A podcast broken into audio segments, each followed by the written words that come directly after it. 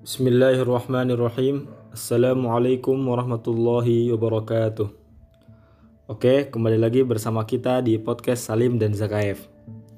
Pada episode kali ini, insya Allah kita akan melanjutkan bahasan dari episode sebelumnya yaitu mengenai perang Uhud. Jadi, setelah Rasulullah Wasallam sampai di Uhud, beliau langsung memobilisasi pasukannya dan mempersiapkan barisan mereka untuk berperang. Beliau memilih sekelompok ahli memanah sejumlah 50 orang, dipimpin oleh Abdullah bin Jubair al-Ansari al-Ausi al-Badri. Beliau menginstruksikan mereka untuk berpusat di atas bukit yang terletak di tepi selatan lembah Konat yang kemudian dikenal dengan Bukit Rumat, yaitu kira-kira 150 meter ke arah tenggara dari posisi kaum muslimin. Nah, tujuan penempatan pasukan pemanah tersebut adalah sebagaimana yang Rasulullah SAW ungkapkan kepada para pemanah Beliau berkata, Indahil khayla anna bin nabli la ya'tuna min khalfina in kanat lana aw alaina fathbut makanaka la nu'tayanna min qablik min qibalik Seranglah musuh yang menyerang kita dengan panah pasukan berkuda. Jangan sampai kita disergap dari belakang. Tetaplah kamu berada di tempatmu, baik ketika kita menang maupun ketika kita kalah agar musuh tidak menyerang kita dari arah belakang. Itu dari arah kalian gitu maksudnya. Kan pemanah itu di belakang. Beliau juga mengatakan uhmu zuhurana fa in ra'aytumuna nuqtalu fala tansuruna wa in qad ghanimna fala tusyrikuna yang artinya lindungilah pasukan kita dari arah belakang. Apabila kalian melihat pasukan kita banyak yang gugur janganlah kalian bergerak untuk membantu Demikian juga apabila kalian melihat pasukan kita berhasil mendesak dan menjarah musuh, janganlah kalian ikut serta menjarah gitu. Dalam riwayat Imam Bukhari disebutkan lagi, in ra'aytumuna takhtufana takhtafuna at-tayru fala tabrahu makanakum hada hatta ursila ilaikum. Yang artinya, jika kalian melihat kami binasa direnggut oleh musuh, janganlah kalian meninggalkan tempat sehingga aku mengirimkan utusan kepada kalian. Jadi Rasulullah Sallallahu Wasallam benar-benar menekankan kepada mereka untuk tetap di tempatnya apa pun yang terjadi. Nah, dengan ditempatkannya kelompok pasukan pemanah tersebut di atas bukit, berikut instruksi militernya yang sangat ketat itu ya, tadi nggak boleh meninggalkan tempat apa pun yang terjadi.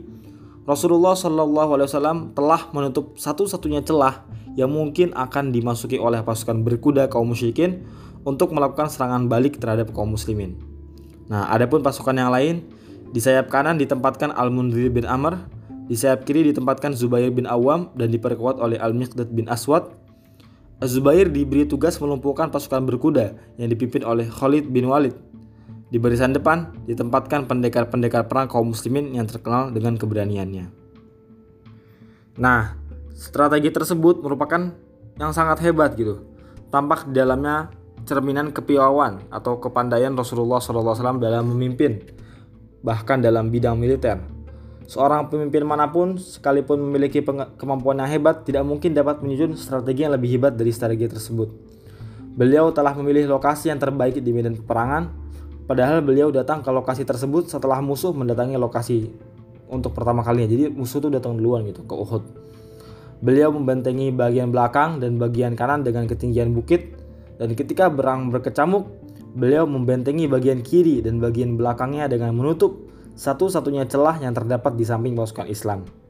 Beliau memilih lokasi yang tinggi untuk perkemahannya sebagai benteng pertahanan, sehingga tidak perlu melarikan diri ketika kekalahan menimpa kaum muslimin, tetapi harus menangkal serangan musuh agar tidak jatuh di bawah cengkrama mereka dan menjadi tawanan mereka. Dengan demikian, Beliau menimpakan kerugian berat kepada musuh-musuhnya jika mereka ingin menduduki dan menyerang perkemahan beliau. Beliau mendesak musuh-musuhnya untuk menempati lokasi yang berada di bawah, sehingga mereka sulit sekali untuk meraih manfaat kemenangan jika kemenangan berada di pihak mereka. Dan sulit bagi mereka untuk melarikan diri dari pihak kaum muslimin jika kemenangan berada di pihak kaum muslimin. Di samping itu, untuk mengganti kekurangan personil, beliau yang kan karena ada 300 orang munafik yang mundur gitu. Beliau memilih orang-orang pilihan di antara mereka para sahabatnya yang jelas yang pemberani.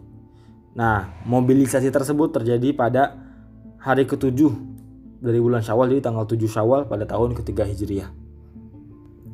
Nah, kaum musyrikin pun melakukan pengaturan juga terhadap pasukan mereka sesuai dengan aturan barisan. Kepemimpinan umum berada di tangan Abu Sufyan yang berposisi di tengah-tengah pasukan. Sayap kanan berada di bawah kepemimpinan Khalid bin Walid yang waktu masih musyrik. Di sayap kiri di bawah kepemimpinan Ikrimah bin Abu Jahal, sedangkan pasukan infanteri di bawah kepemimpinan Sofwan bin Umayyah dan pasukan pemanah di bawah kepemimpinan Abdullah bin Abi Rabi'ah. Kemudian, menjelang meletusnya perang, kaum Quraisy berusaha menimbulkan perpecahan dan permusuhan di dalam barisan kaum muslimin. Abu Sufyan telah berkirim surat gitu dengan kaum Ansor yang di dalamnya ia berkata, "Khallu bainana wa baina ibni ammina nansarif ankum fala hajata lana ila qitalikum." Yang artinya, tinggalkanlah kami dan sepupu kami yaitu Rasulullah SAW kan sepupu beliau itu kerabat nah sama-sama Quraisy karena pada hakikatnya kami tidak butuh untuk memerangi kalian gitu namun apa artinya usaha tersebut di hadapan iman kaum Ansor yang sangat kokoh gitu jadi kaum Ansor membalasnya dengan keras dan dengan keras dan membuat mereka hanya semakin panas gitu nah uh, detik-detik peperangan sudah dekat nih dua pasukan dua pasukan pun sudah saling mendekat Nah, akan tetapi kaum Quraisy melakukan manuver yang lain untuk tujuan yang sama yaitu memecah belah di antara barisan kaum muslimin. Kaum Quraisy mengutus seorang yang bernama Abu Amir Al-Fasiq. Beliau ini uh, pemimpin Aus pada masa jahiliyah dulu sebelum Islam datang. Akan tetapi ia keluar dari Madinah karena didesak oleh bukan karena didesak, karena Rasulullah SAW sudah datang ke Madinah dan uh, ia benci gitu. Akan tetapi pengaruhnya uh, atas kepemimpinan atas orang-orang Aus masih ada gitu masih ada lah kan dia ini pemimpin gitu nah dia tuh berusaha berusaha mempengaruhi orang-orang Ansor yang dari suku Aus untuk membelot dan ikut bersama dalam barisan kaum Quraisy. Nah, wanita-wanita Quraisy juga turut ambil bagian dalam peperangan. Mereka dipimpin oleh Hindun binti Utbah, yang mana istri dari Abu Sufyan, pemimpin perang kaum Quraisy pada perang Uhud ini. Mereka mengelilingi barisan sambil memukul rebana, membangkitkan semangat perang kaum lelaki dan kesatria-kesatria mereka. Terkadang juga mereka membangkitkan semangat pembawa panji mereka dengan mengatakan, Waihan bani abdiddar, waihan humatal adbar, dorban bikulli battar. Yang artinya, wahai bani abdiddar, wahai pelindung keluarganya yang berada di garis belakang, hantamlah terus pedang kalian yang ampuh itu. Nah, jadi uh, kaum wanita ini berfungsi atau berperan sebagai uh, supporter gitu, sebagai orang yang ikut menyemangati menyemangati di belakang. Gitu. Nah, mungkin pada episode kali ini cukup sekian. Uh, kurang lebih mohon maaf. Barakallahu fikum. Wassalamualaikum warahmatullahi wabarakatuh.